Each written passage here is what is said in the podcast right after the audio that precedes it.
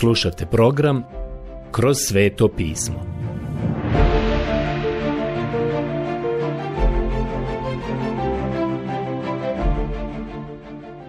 Knjiga Prva Samuelova Odlomak Prva Samuelova od poglavlja 27 do poglavlja 28 Prijatelji, nastavljamo pratiti Šaula i Davida. Dolazimo sada polako do kraja Šaulovog života. Pratit ćemo Davida u 27. poglavlju, a onda ćemo u 28. poglavlju vidjeti Šaulovu posjetu vještici iz Endora. 27. poglavlje Šaul progoni Davida koji bježi od njega.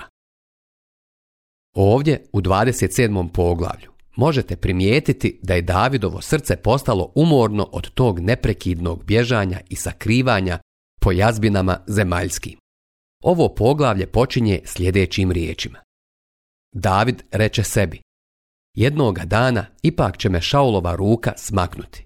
Ne preostaje mi ništa bolje nego da pobjegnem u zemlju Filistejaca. Tada će Šaul odustati od toga da me dalje traži po svemu Izraelovu području. I tako ću ja izmaknuti njegovoj ruci. Prva knjiga Samuelova 27.1 Ovdje sada imamo jedan očigledan odmak od one uzvišene vjere u Boga koju je David pokazivao u svome životu. Ovo je razdoblje pukog preživljavanja. Mogli smo vidjeti da se ista stvar dogodila i Abrahamu. To se dogodilo i Izaku. To se dogodilo i Jakovu.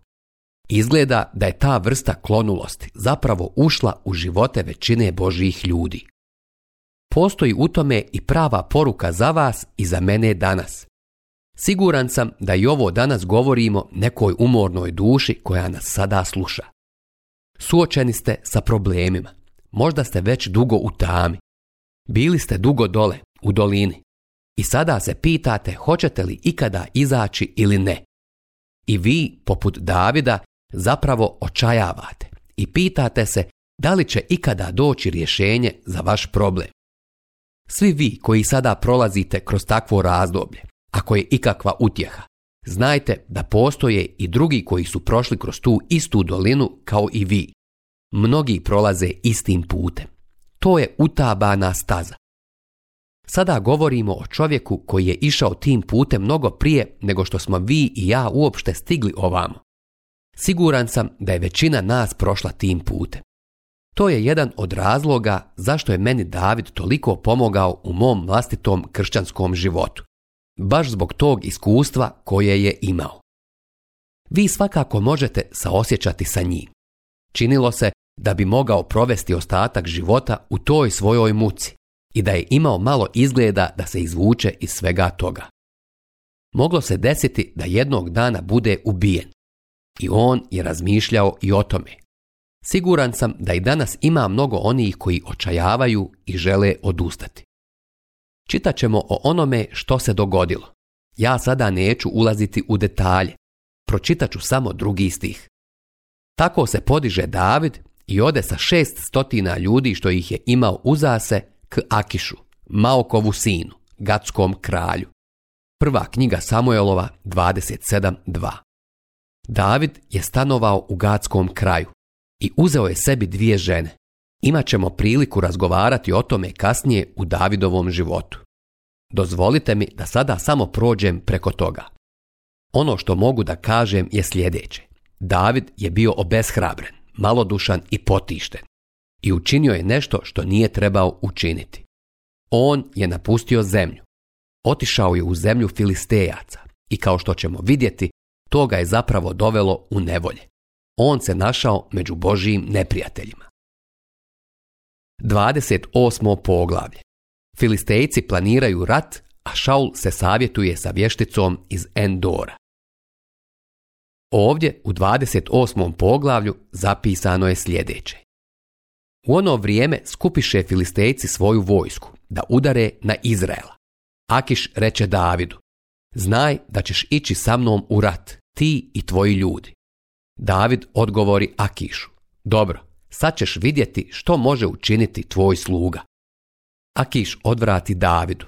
Dobro, postavljam te zauvijek za svoga čuvara. Samuel je bio umro i sav je Izrael održao tugovanje za njim.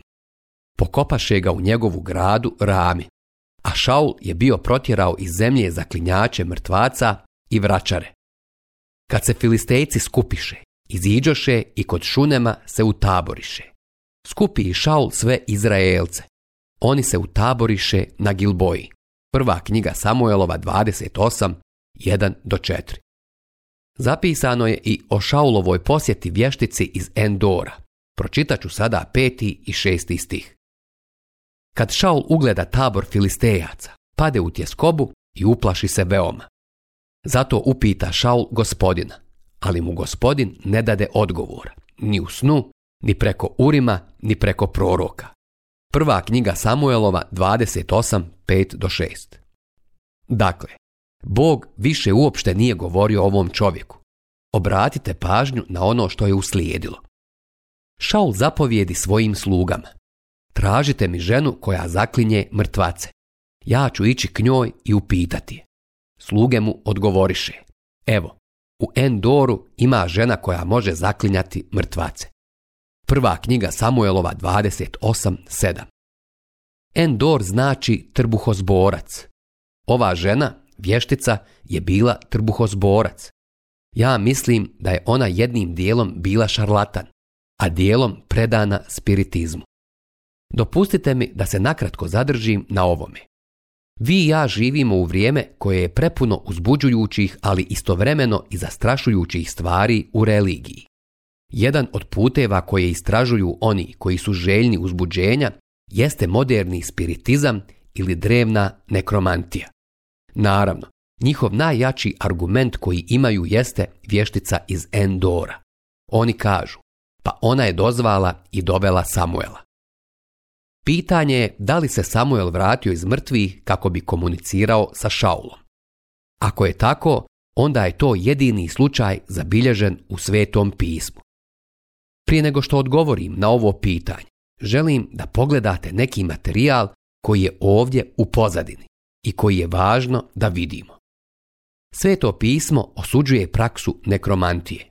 U ponovljenom zakonu u 18. poglavlju od 9. do 12. stiha piše sljedeće.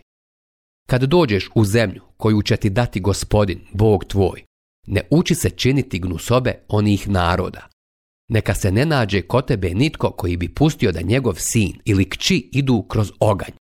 Nitko koji bi vraćao, ni koji bi gatao, ni koji bi čarao ili bajao. Nitko koji bi gonio duhove. Nitko koji bi pitao duha mrtvaca ili vračarskog duha ili se obraćao mrtvima jer se gadi gospodinu tko se god tim bavi. Zbog tih gnusnosti protjerat će ih ispred tebe gospodin, Bog tvoj. Vi i ja danas živimo u vrijeme kada možemo vidjeti puno takvih stvari oko nas. U Hollywoodu postoje dva nekromanta koja je prije nekoliko godina pominjao i časopis Time magazine. Ta dva nekromanta su proricali sudbinu, a prema članku u časopisu Time magazine Većina hollywoodskih zvijezda ih je kontaktirala i konsultovala se sa njim. Mogu vam reći da u današnje vrijeme vidimo oživljavanje tog grešnog fenomena. To traje već dugo. The Guardian, publikacija engleske crkve, objavio je 1947. godine jedan članak u kome piše sljedeće. Uprkos velikoj količini prevare, laži, obmana i čitanja misli, svjesnog ili nesvjesnog, sa kojima se istraživač psihičkih istraživanja mora boriti. I dalje ostaje jezgra ove materije koja se ne može objasniti našim sadašnjim znanjem, osim prihvaćanjem hipoteze da ljudske ličnosti postoje i nakon smrti i da određene osobe imaju moć i dar kontaktiranja s njima. Crkve se nemaju čega bojati kada su u pitanju pravi psihički fenomeni. Želim vam reći sljedeće. To je nevjerovatno, jer se od tada sve više gleda u zvijezde. Ta takozvana nauka o izvančulnoj percepciji sve više raste i širi se. Ja sada ne mogu ići u mnogo detalja u ovom našem proučavanju, ali jako mnogo ljudi danas proučava zvijezde. Odu i kupe horoskop i doslovno se milioni dolara troše danas na to. Prema onom članku koji je objavio časopis Time magazine, prije nekoliko godina astrolozi uzimaju i milione dolara godišnje. Postoji oko 5000 astrologa s punim radnim vremenom i oko 100.000 honorarnih astrologa. Svi oni zarađuju milione dolara godišnje. Zarađuju taj novac i od nekih 10 miliona vjernika, a većina od njih su žene. To je ono što taj članak kaže. Mogu vam reći da riječ Božja apsolutno osuđuje takve stvari. Bog je u prošlosti sudio mnogim narodima zbog toga i čak je izbacio svoj narod iz zemlje da se ne okrene od njega prema takvim stvarima. Prijatelji moji, ovo je jedna od veoma opasnih stvari koje se danas uveliko praktikuju. Sveto pismo upozorava na ovu praksu i predviđa da će doći čak i do njenog širenja. U izvještaju o prosjaku Lazaru i o bogatašu Bogatašu je bilo strogo zabranjeno da se vrati među žive. Rečeno mu je da ne može da se vrati. Pavle je bio uznesen na nebo, ali nakon toga je bio ušutkan. Nije mu bilo dozvoljeno da kaže šta je vidio. Poslušajte šta kaže riječ Božja. U Evanđelju po Mateju u 24. poglavlju u 24. stihu kaže sljedeće. Jer će ustati lažni mesije i lažni proroci i činit će velike znake i čudesa da zavedu, ako je moguće, i izabranike. Apostol Pavle u drugoj poslanici Solunjanima u drugom poglavlju u devetom stihu kaže sljedeće. Bezakonik dolazi po sotoninu djelovanju sa svakom silom i znacima i lažnim čudesima. Pišući jednom mladom propovjedniku, apostol Pavle je u prvoj poslanici Timoteju u četvrtom poglavlju u prvom stihu zapisao sljedeće. A duh govori jasno da će u posljednja vremena odstupiti neki od vjere, slušajući lažne duhove i đavolske nauke. Na zapadnoj obali SAD-a postoji nekoliko crkava. Njihovi članovi ih zovu crkvama. To su zapravo sotonske crkve. Oni obožavaju sotonu. Božja riječ kaže da je to nešto što će se povećati u posljednjim danima. Mi također vidimo da je Šaul otišao kod te vještice iz Endora. Molim vas, obratite pažnju. Čitaću sada od 8. pa sve do 15. stiha. I Šaul se učini nepoznatim, odjene druge haljine i zaputi se praćen od dva čovjeka. Kad noću dođoše onoj ženi, reče, vraćaj mi zaklinjući mrtvace i daj dozovi mi onoga koga ti kažem. Žena mu odvrati, pa ti znaš što je učinio Šaul. On je istrijebio u zemlji zaklinjače mrtvaca i vračare. Zašto mi stavljaš zamku? Da me ubiješ. Ali joj se Šaul zakle gospodinom. Tako živ bio gospodin, nećete u ovom slučaju pogoditi nikakva krivnja. Tada ga upita žena, koga da ti dozove? On odgovori, dozovi mi Samuela. Kad žena vidje Samuela, povika iza glasa, zašto si me prevario? Viknu žena Šaulu. Pa ti si Šaul. Kralj joj odvrati. Ne boj se. Pa što vidiš? Žena odgovori Šaulu. Nad ljudsko biće vidjela sam gdje izlazi iz zemlje. On je upita. Kako izgleda? Ona odgovori. Star čovjek izlazi za ogrnut plaštem. Na temelju toga Šaul zaključi da je to Samuel. On prignu lice k zemlji i baci se ničice. I Samuel upita Šaula. Zašto si prekinuo moj mir i izazvao me? Šaul odvrati. U velikoj sam muci. Filistejci su u ratu protiv mene. A Bog se odvratio od mene i ne odgovara mi više ni preko proroka ni u snu. Zato pozvah tebe, javi mi što da činim. Prva knjiga Samuelova 288 do 15. Prijatelji, očigledno je da Bog nije bio u ovome od početka. Bog Šaula uopšte nije htio pozvati za kralja, ali sada nam Šaul jasno daje do znanja da Bog više nije razgovarao sa njim. Moramo razumjeti da je u Svetom pismu zapisano da je samo Krist komunicirao sa mrtvima. Sjetit ćete se da je on govorio mrtvima i on jedini može razgovarati sa mrtvima. Bog je Šaula napustio, nebo je šutjelo i tako se Šaul okrenuo za savjet paklu. Dakle, da li se zaista Samuel pojavio šaul. Postoji nekoliko objašnjenja. Ima oni koji ovo odbacuju kao prevaru i kažu da cijeli ovaj događaj, da ništa nije istinito. Ta žena je bila trbuhozborac. Mogla je sve ovo lažirati. Ja mislim da je ona bila prevarantkinja, ali također mislim da je ona bila uplašena jednako kao i Šaul zbog onoga što se dogodilo. Houdini je svoje vremeno rekao da može duplicirati 95% takozvanih nadprirodnih stvari za koje je spiritualizam tvrdio da ih može učiniti i koje je činio. Houdini je govorio da bi sve to mogao duplicirati. Znamo da je 99,44% prevara. Ali šta je s ostatkom? Vjerujem da je ono što se ovdje dogodilo bilo nadprirodno ali mislim da Bog nije imao ništa sa tim. Pojavilo se još jedno objašnjenje, a to je želja ljudi da komuniciraju sa voljenim osobama koje su otišle sa ovoga svijeta. Mislim da to objašnjava slučaj sir Olivera Lođa i sir Konana Doyla. Obojica su imali sinove koji su stradali u ratu i oni su ih htjeli vidjeti. Vjerujem da su čak i ti ljudi bili zaneseni, Mnogi su danas zahvaćeni takvim zanosom i željom. Oni žele vidjeti drage osobe koje su preminule. A kada želite nešto vidjeti, nije vas teško natjerati da to i vidite. Kipling je napisao pjesmu za koju mislim da je odgovor na ovo. Poslušajte njene riječi. Put do Endora je lak za hodanje, za majku ili ženu koja čezne. Tamo ćemo sigurno sresti svoje mrtve, baš onakve kakvi su bili i u životu. Zemlja nije sanjala o blagoslovu koji je spremila za pusta srca na putu za Endor. Šapat će nas utješiti iz mraka. Ruke, o Bože, koje smo znali, vizije i glasovi, pogledajte i poslušajte. Dokazat ćemo da je naša priča istinita. A to je da oni koji su prešli na drugu obalu mogu biti pozdravljeni za određenu cijenu na putu za Endor. Oh put za Endor je najstariji put i najluđi put od svih. Vodi pravo do vještićinog prebivališta, kao što je to bilo i u danima Šaulovim.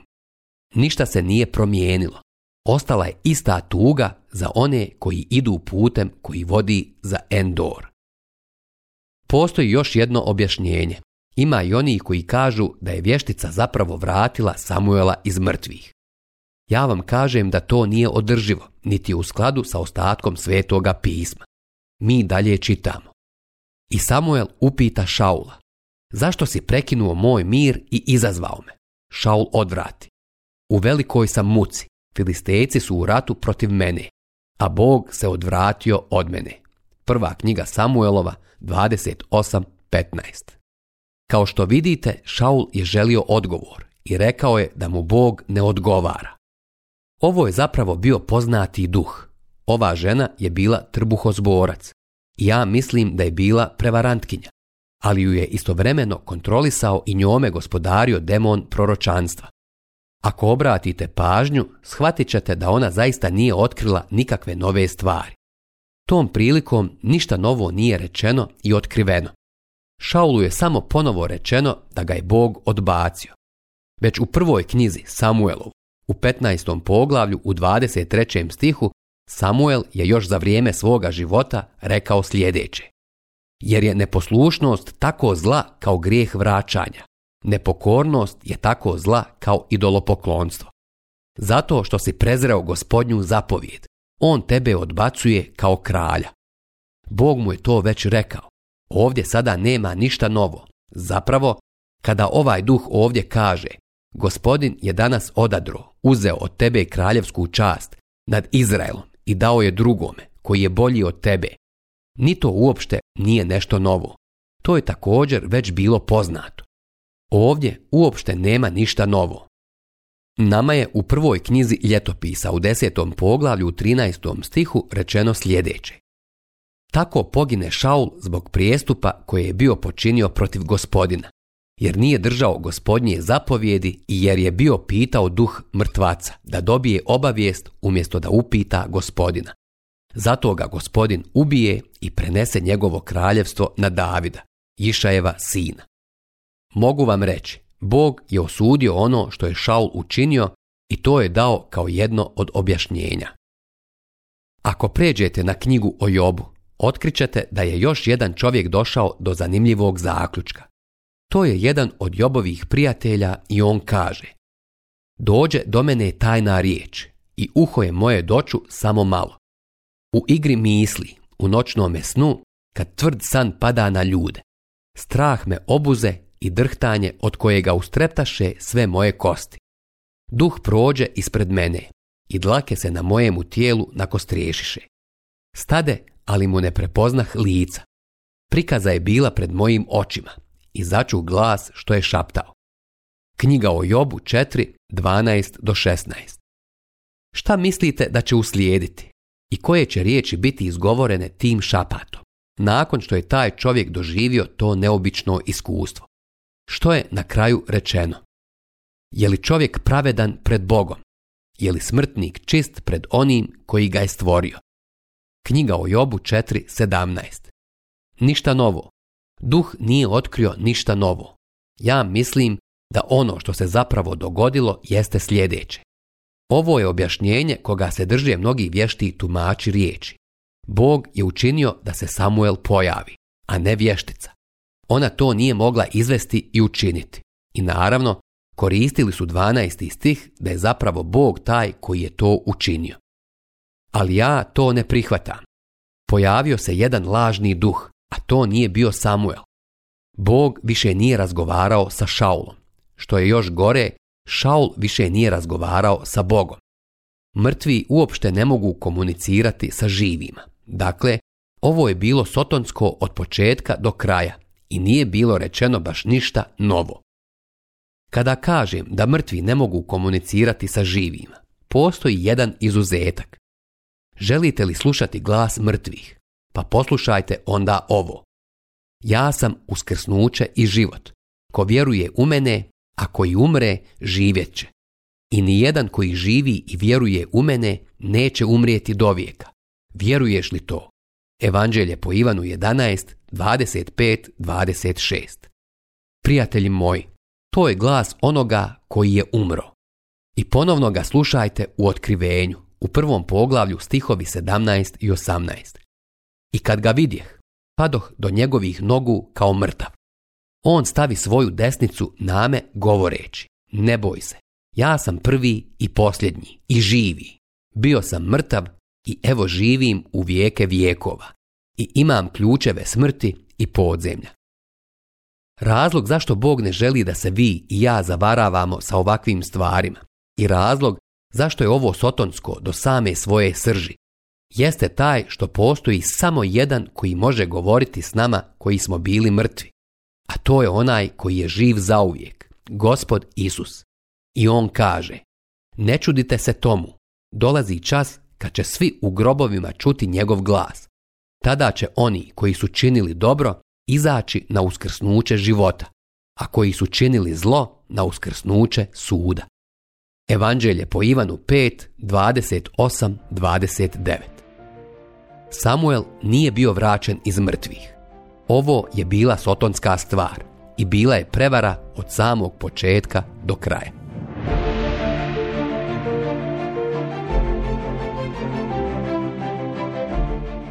Slušali ste emisiju Kroz sveto pismo. Možete nas slušati i na našem YouTube kanalu putem mobilne aplikacije – te na svim glavnim podcast platformama kao što su Google, Apple i Spotify. Ako vam se naši programi dopadaju, preporučite ih i podijelite s drugima. Budite slobodni da ostavite svoj komentar ili nam pišite na našu e-mail adresu kroz svetopismo.bih at gmail.com Zapratite našu stranicu kroz sveto pismo BiH na Facebooku i na Instagramu Emisije iz ove serije možete pronaći na našoj stranici ttb.twr.org.